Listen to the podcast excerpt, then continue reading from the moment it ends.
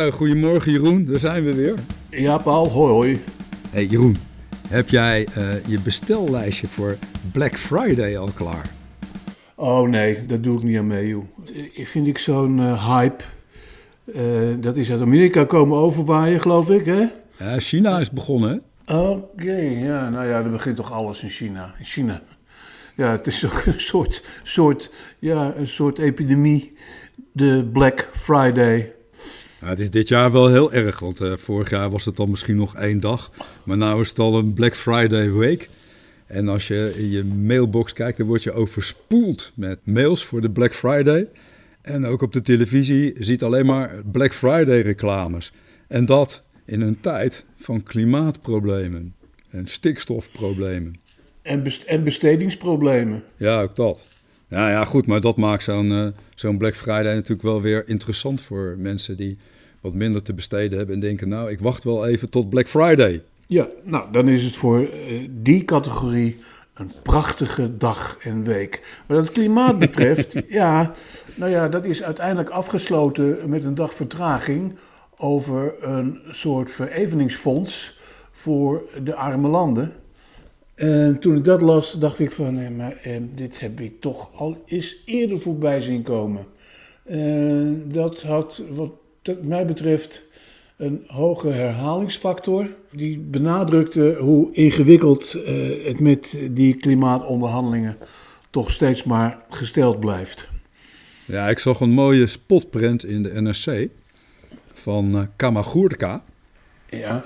En die zag er heel mooi. Ik zal hem beschrijven. Je zag uh, iemand op de voorplecht van een grote oceaanstomer staan.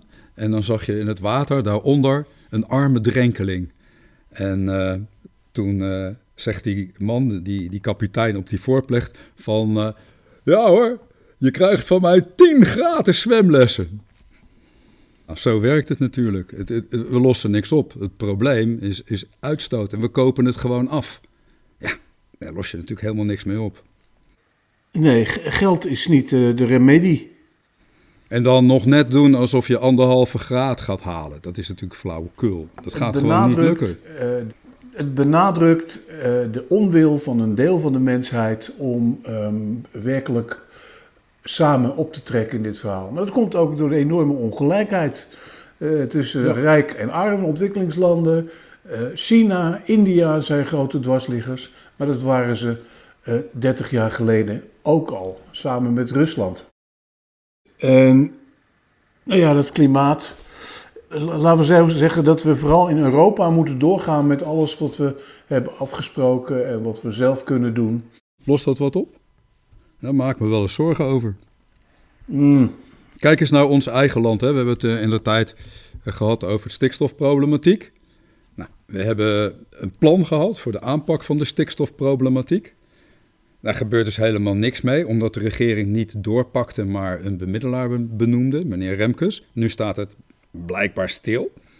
En intussen tijd merk je dat provincies en andere organisaties vrijkomende stikstofrechten opkopen om nieuwe snelwegen aan te leggen, om Schiphol uit te breiden. Het is natuurlijk redelijk bizar. Ja, frappant voorbeeld is natuurlijk uh, wat er met die A27 gebeurt. Ja. Uh, uit, uitkopen van boerderijen in Gelderland om toch die uh, bak bij Amelisweert, Utrecht, te verbreden. En daarmee oeroude bomen weer om te hakken, natuurgebied op te offeren. Hetzelfde heb je in de Achterhoek, daar wil men nog een, een goederenspoorlijn aanleggen en een snelweg aanleggen. Zo lossen we het, het probleem natuurlijk nooit op. Nee. En ik voel me af en toe wel een beetje genept. Gewoon genept. Als je het hebt over de natuur, over de inspanningen die we moeten doen. En ik snap dat de boeren dat ook wel voelen. En in de tussentijd wordt de stikstof gewoon verhandeld en gaat naar grote industriële producten. Ja, en de, en, en de overheid uh, en politiek, Rutte voorop, wilde alles aan doen om transparant te zijn en het wantrouwen weg te nemen. En op deze manier wordt dat wantrouwen alleen maar versterkt. Uh, ja. Genept uh, het is uh, de arrogantie van de macht. Ze gaan gewoon door. Nou ja, um, ook, ook dat is niet bemoedigend. Uh, wat natuurlijk wel fijn is, dat gisteren geen Black Monday is geworden voor onze jongens. Toch? Ja, ik dacht net, uh, toen jij, ik dacht er net aan, hoe zouden de mensen in Qatar over Nederland denken? Joh? Uh, wat betreft protesten. Ja. Nou, van alles en nog wat. Ja, nou, hoe zouden ze over, over België denken? Over het hele malle Westen. Kom zeg, die komen hun we wereldkampioenschapsfeestje even verzieken met allemaal gemopper over hun wandaden. Terwijl ze perfecte organisatie hebben, prachtige stadions.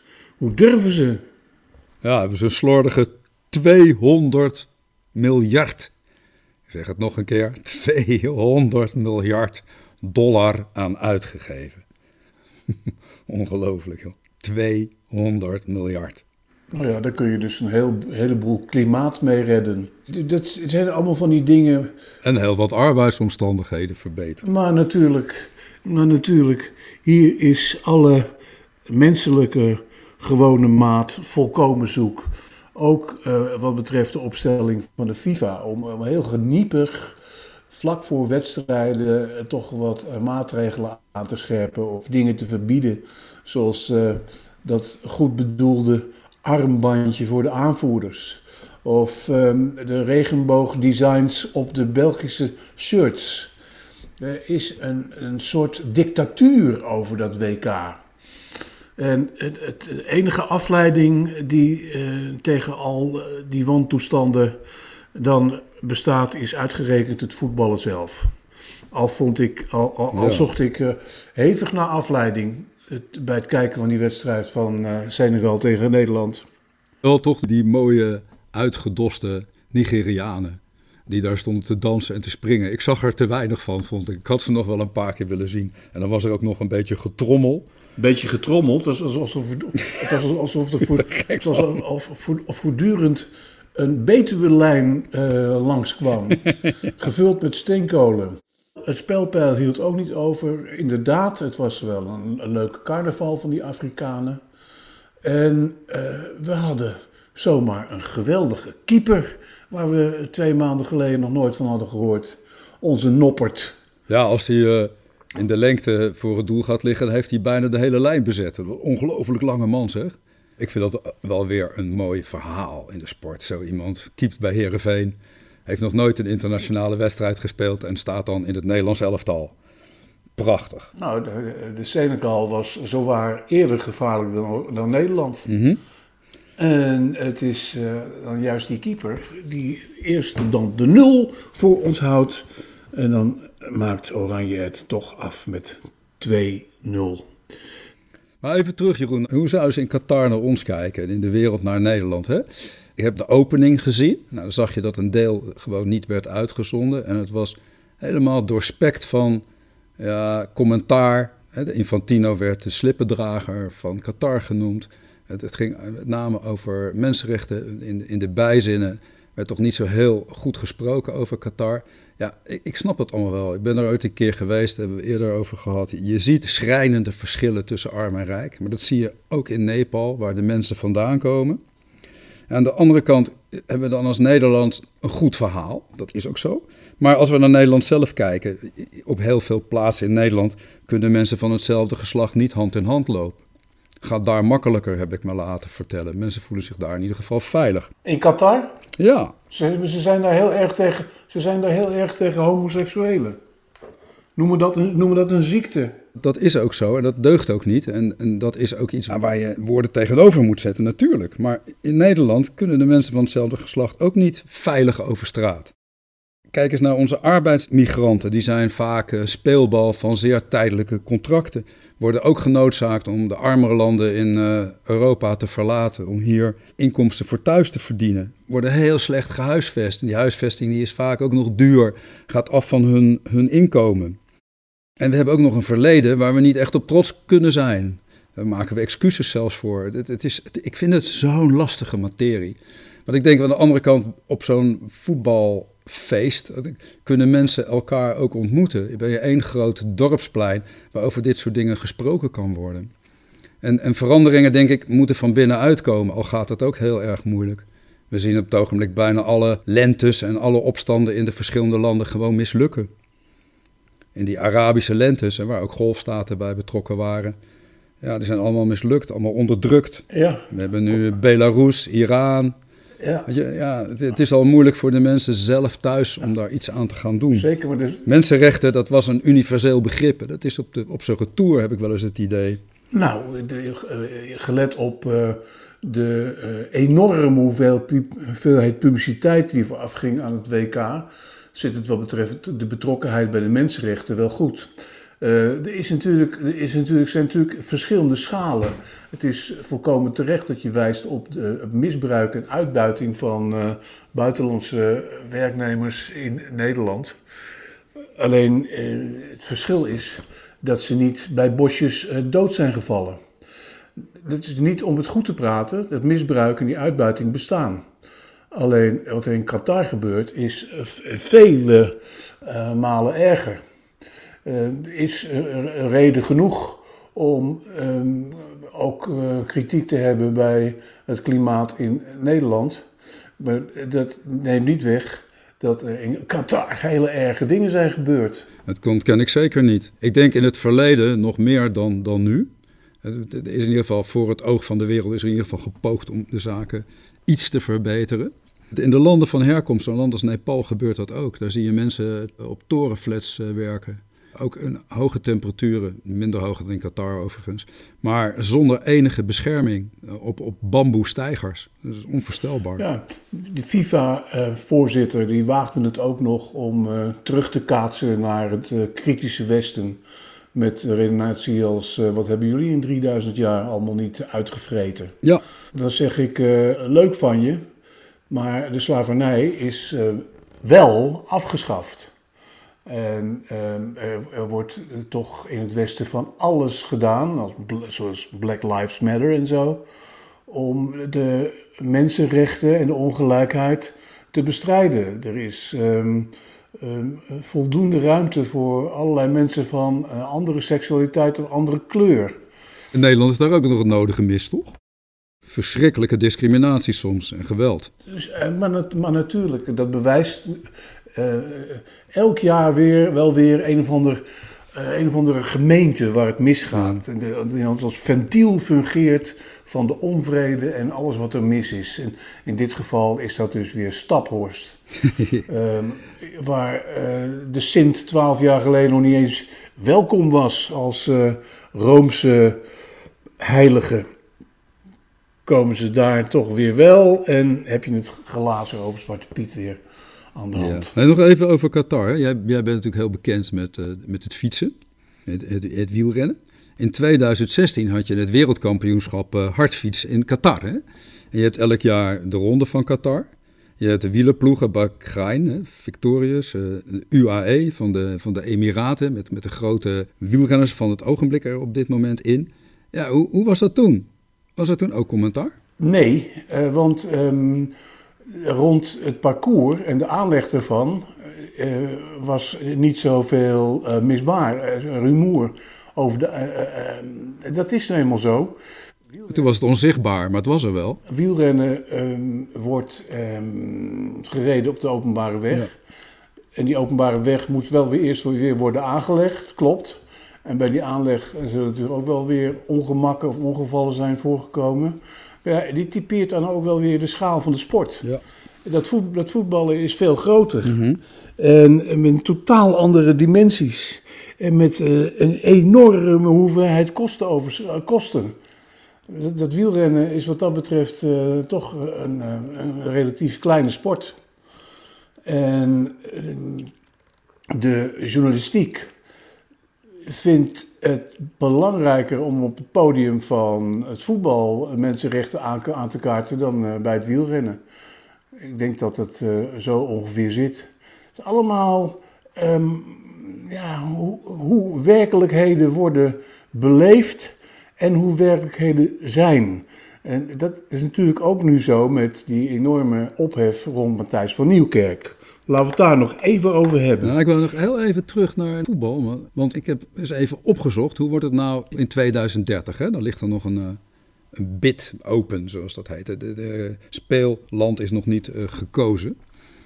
En ten eerste wordt die meneer Infantino, die nu de voorzitter is van de FIFA, zonder tegenkandidaat herkozen, dus zonder tegenkandidaat. Dus man blijkt heel erg gewaardeerd te worden in zijn werk. En als je dan kijkt naar 2030, dan, dan vallen me toch wel een aantal dingen op. Ten eerste wordt het aantal deelnemende landen uitgebreid van 32 naar, naar 48. Dat is nogal wat. Dus het wordt nog duurder. Er zijn nog meer stadia nodig. Geld. Er moeten nog meer wedstrijden worden gespeeld. En als je dan kijkt naar welke landen interesse hebben, dan kom ik daar tegen Algerije, Tunesië, Marokko, Egypte, Noord-Korea, China, Israël, Verenigde Arabische Emiraten, Bahrein, Servië, Saoedi-Arabië. Ja, Jeroen, hoe, hoe zie je die toekomst dan? Hoe moeten we die, die sport, dat, dat WK, nog, nog leuk gaan vinden? Als het in dat soort landen gespeeld gaat worden. Walgingwekkend. Dat is het enige wat ik erover kan zeggen. Ja. En eh, met uh, grootst mogelijke twijfel aan het zelfreinigend vermogen van dit alles. Mensen, uh, oprechte bestuurders als Michael van Praag, hebben zich tegen te weergesteld. Maar hij is niet gekozen tot um, voorzitter van de FIFA. En dan komen dubieuze, half dictatoriale types als Infantino aan de, de macht.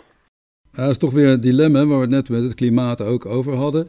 We kunnen wel zeggen, we kijken niet naar het voetbal. We proberen goed te zijn voor het milieu, duurzaam te leven, niet mee te doen aan Black Friday. Maar uiteindelijk leg je het af tegen allerlei machten die op het ogenblik uh, werkzaam zijn. Ja, nou ja, dat is uh, het geld, hè? de commissie. En daar zit iets uh, gewetenloos in. Zoals geld het klimaat niet redt, um, wordt het wel in voetballen gepompt. Dat in hoge mate op die manier zijn aantrekkelijkheid verliest. Want wat je net nog zei over um, de verbinding en het dorpsplein, dat het WK zou moeten zijn, vol mogelijkheden om het over mensenrechten te hebben. Een heel legioen van Oranje is daar niet op de been. Maar de mensenrechten is niet hun eerste gespreksonderwerp. Ik denk dat ze vooral allemaal erg blij zijn met de lengte van onze doelman. Ja. Nou ja, uh, Matthijs, dat kaartte ik al even aan. Dat vind ik, dat vind ik ook zo'n typisch verschijnsel van werkelijkheden. Ehm, er zijn me een paar dingen opgevallen. ten eerste dat Matthijs in zijn eerste reactie er nogal laconiek over deed. En toen hij eenmaal gewaarschuwd was, toch wat meer zijn boetekleed aantrok. Al verweerde hij zich met um, een uh, vaststelling dat hij toch wel al te karikaturaal was neergezet. Ja, en vertrekt vervolgens. Ja. Verwachtte toch een beetje steun van zijn eigen organisatie. Heeft hij niet gekregen. Een beetje parallel met mevrouw Ariep, die geen steun uit de PvdA-fractie kreeg. En vertrekken. Daarmee ook trouwens voorzijnd dat ze zouden moeten vertrekken. Ja, Goed. even voortbouwen op, op de werkelijkheid, de werkelijkheden. En uh, wat dat betreft ken ik Hilversum ook wel heel goed. Ja, ik ook. Um, en ik ken uh, vergelijkbare situaties. Uh. Ja, ik heb het nodige zelf aan de lijve ondervonden. Maar er heerst er een cultuur van... Um, He, dat uh, if you can stand the heat, you shouldn't be in the kitchen. Stay out of the kitchen. Mm -hmm. Dat klopt ook tot zekere hoogte, denk ik. Die zin begrijp ik het wel en heb ik het zelf ook jarenlang manmoedig volgehouden. Um, met een houding van uh, dit hoort er nu eenmaal bij. Waar gehakt wordt vallen Spaanders. En, en je moet tegen een stootje kunnen. Het is buffelen wat dat betreft was ik zelf ook altijd wel een buffelaar. Um, alleen is er toch een zekere grens van je uithoudingsvermogen. En uh, wat hier aan de hand is, is dat Matthijs van Nieuwkerk in een stelsel heeft kunnen werken van ja-knikkers en um, uh, veren in zijn reetstekers, waaronder andere Frans Klein, de huidige directeur bij de NPO, uh, dat allemaal met de mantel der liefde bedekte, zolang de kijkcijfers hoog waren en er maar reclamegelden binnenstroomden. Diegenen die zaten te piepen, die, uh, zo was de observatie, waren niet geschikt voor uh, deze machine. Het rare is dat dit al in 2011 blijkbaar bekend werd in publicaties van privé. En dat het nu. Ja, en het was ook wel een beetje een publiek geheim Ja, in Hilversum. Hè? En er waren meer redacties waarin dat soort ja, zaken speelden. gaat er op allerlei redacties keihard aan toe. Het is ook een hard vak natuurlijk. Hè? Moet elke dag moet er gepresteerd worden. Er moet onder hele hoge druk worden gewerkt. Ik vraag me af alleen wat er zou zijn gebeurd als de Volkskrant nog in de lopende periode van de, de Wereld Draait Door dit zou hebben gepubliceerd. Nou, dat had eigenlijk ook gemoeten. Ja. De timing is heel erg, heel erg eh, vreemd. Maar het is, het, het is helemaal raar dat de pers dit aan de orde brengt. Dit had een goede werkgever moeten oplossen. Er kunnen best misstanden zijn, maar als het structureel is en het verloop is zo gigantisch en er is sprake van woede-uitbarstingen, dan moet je zowel degene die zich aan die woede-uitbarstingen schuldig maakt, als een redactie en de leiding van zo'n redactie in bescherming nemen. En dat kan alleen de hoogstleidinggevende. Als, want anders wordt het getrapt. Hè? Je kan als redactielid aankloppen bij je producent of bij jouw eh, eindredacteur. Maar uiteindelijk is het de hoogste, de opdrachtgever, degene die in dit geval de organisatie was die ook de presentator in dienst had, die het moet oplossen, die dit moet afdekken. En dat is gewoon niet gebeurd. Ondanks signalen. Hè? eh, En daar ligt een grote schuld. Natuurlijk zijn die signalen Ja. er geweest. Kijk, een, een, als je een verloop ziet wat zo massaal is en waar mensen zo snel vertrekken en hun contracten niet afmaken, wetende dat iedereen zo'n contract heel hard Ja. nodig heeft. Want het, het redacteurenbestaan is vaak een zwerverbestaan. ondankbaar. En je ziet ook dat, dat de nieuwe mensen of kwetsbare mensen of hele slimme mensen of mensen die het eens anders willen doen, ja, die zijn het eerste slachtoffers van een, eh, ja, van een geharde groep mensen die van opdrachtgever naar opdrachtgever reizen. Het ligt er ook gewoon in de arbeidsverhouding in Nederland, in de wetgeving. Na twee jaar moet je eruit. En ik kan ook me voorstellen dat een, eh, een opdrachtgever graag met tijdelijke contracten werkt. Vroeger had je freelance contracten, maar dat kon je zo lang zijn als je wilde. En tegenwoordig is dat allemaal niet meer zo. Dus ik denk dat er ook eens heel goed naar die arbeidscontracten moet worden gekeken en de mogelijkheden die men daarbij heeft. Redacteuren maken ook werktijden van 17 uur per dag. Dat heb jij waarschijnlijk ook wel eens gedaan. Nou ja, eh, ik stond, zoals dat heet, altijd aan. En Ja, je staat dat- altijd dat- aan. dat- Ja, het was natuurlijk. ook eh, wel ja, een, een erekwestie. Ehm, ehm, ik noemde al buffelen. Ehm, maar er hoorde ook bij eh, nooit willen opgeven, ondanks hevige vermoeidheid of signalen van het lichaam. En Nee, je leeft van de stress natuurlijk op een gegeven moment. ja, het is een, eh, een verslaving. En ehm, nou ja, op een zeker moment wordt er aan, toch aan die positie gemorreld en wordt het anders. In het geval van, van, van, van Nieuwkerk, had ik net over de werkelijkheid en, je, de perceptie. Ehm, Matthijs moet blijkbaar in een soort waan terecht zijn gekomen van onaantastbaarheid. En ging door omdat het ook voortdurend werd bevestigd. En in die zin heeft hij werkelijk blijkbaar niet ingezien wat hij bij een aantal mensen heeft aangericht. Dat het eh, nu eenmaal een hard bedrijf is en dat ze er allemaal voor werkten om eh, DWDD in het geheel en Matthijs van Nieuwkerk in het bijzonder voortdurend te laten scoren. Ja, maar Matthijs was ook natuurlijk wel het boegbeeld, hè? degene die alles opvangt. Als het goed gaat, dan eh, heeft hij het gedaan. Als het iets minder goed gaat, dan Ja. heeft hij het ook gedaan. Ja, Ja. ja. daar, daar heeft hij niet, eh, niet op een menswaardige manier tegen gekund.